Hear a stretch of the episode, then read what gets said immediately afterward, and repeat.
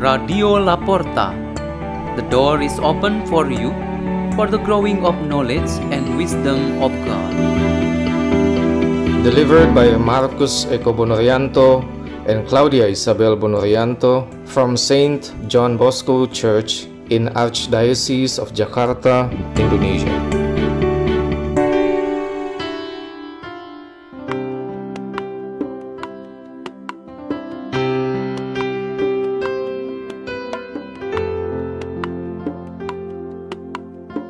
Reading and meditation of the Word of God on Wednesday of the 33rd week in Ordinary Time, November the 22nd, 2023. Memorial of Saint Cecilia, Virgin and Martyr.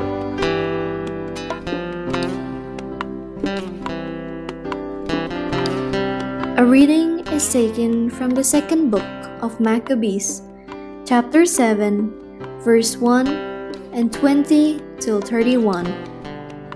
It happened that seven brothers with their mother were arrested and tortured with whips and scourges by the king to force them to eat pork in violation of God's law.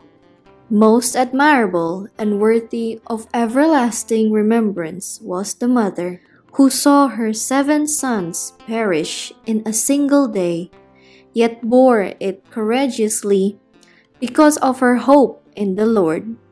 Filled with a noble spirit that stirred her womanly heart with manly courage, she exhorted each of them in language of their ancestors with these words I do not know how you came into existence in my womb.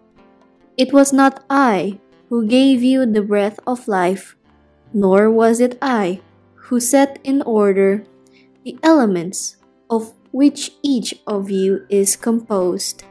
Therefore, since it is the Creator of the universe who shapes each man's beginning, as he brings about the origin of everything, he, in his mercy, will give you back both breath and life. Because you now disregard yourselves for the sake of his law. Antiochus, suspecting insult in her words, thought he was being ridiculed. As the youngest brother was still alive, the king appealed to him, not with mere words, but with promises on oath, to make him rich and happy if he would abandon his ancestral customs. He would make him his friend and entrust him with high office. When the youth paid no attention to him at all, the king appealed to the mother, urging her to advise her boy to save his life. After he had urged her for a long time, she went through the motions of persuading her son, in derision of the cruel tyrant. She leaned over close to her son and said in their native language, Son, have pity on me, who carried you in my womb for nine months, nursed you for three years, brought you up, educated, and supported you to your present age. I beg you, child, to look at the heavens and the earth, and see all that is in them. Then you will know that God did not make them out of existing things, and in the same way, the human race came into existence. Do not be afraid of this executioner, but be worthy of your brothers and accept death, so that in time of mercy I may receive you again with them. She had scarcely finished speaking with the youth, said, What are you waiting for? I will not obey the king's command. I obey the command of the law given to our fathers through Moses. But you, who have contrived every kind of affliction for the Hebrews, will not escape the hands of God. The word of the Lord.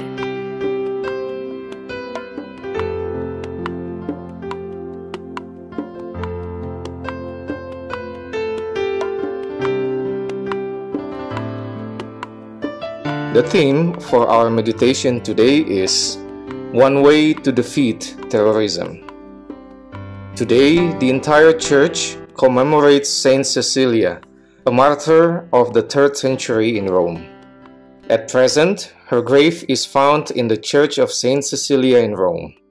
She initially wanted to dedicate herself to God as a virgin, but finally, an arranged marriage of parents forced her to marry with a male infidel, who was later baptized into the Catholic Church. This husband and wife were both killed because of their faith in Jesus Christ. It is said that at the time the rite of their matrimony, what was played was the music and song of the world or profane. But Cecilia sang for her own the song of love to Jesus, her true spouse. From this rare event, until now, she has been a patron saint for singers, musicians, and choirs. Thinking and talking about martyrdom, we cannot avoid from speaking and thinking about persecution and murder experienced by the followers of Lord Jesus Christ. Since the beginning with Jesus, as he always promised to his followers, the members of the church throughout the history have become holy martyrs. The church in Indonesia and all her spread and development are very associated with the blood of the holy martyrs. In many events, heinous treatment towards martyrs can be classified as terrorism. The content of the first reading today, the second book of Maccabees, illustrates the brutality of terrorism. The king Antiochus and his people slaughtered seven Jewish brothers, skinning their heads, beheading, frying them one by one, while other boys and their mother were forced to watch it. The mother was forced to persuade children who were still alive to leave their true faith in God, or eliminate the sacred traditions of their ancestors. This is truly the act of terrorism. But the action to fight back with spiritual power from a strong faith in God and the holy tradition must be far stronger. The persuaded children gained victory in the name of God, even though they had to be killed as martyrs. Finally, the mother was also killed as a martyr. The family's faith was so strong that it could defeat terrorists.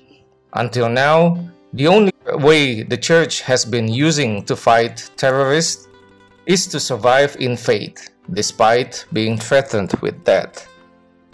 We should stand with our faith and spiritual life.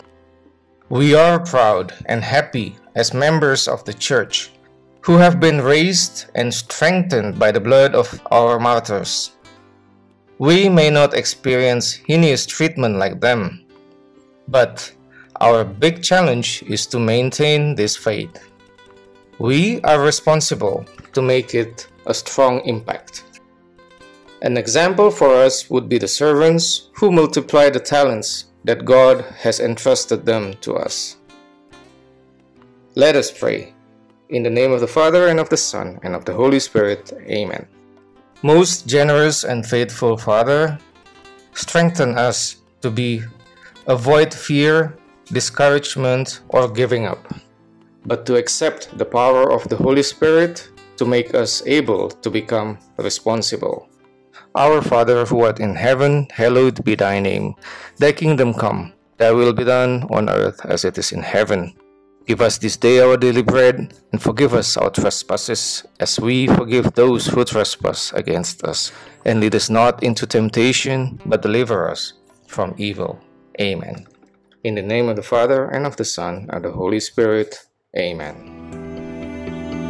Radio La Porta. the door is open for you.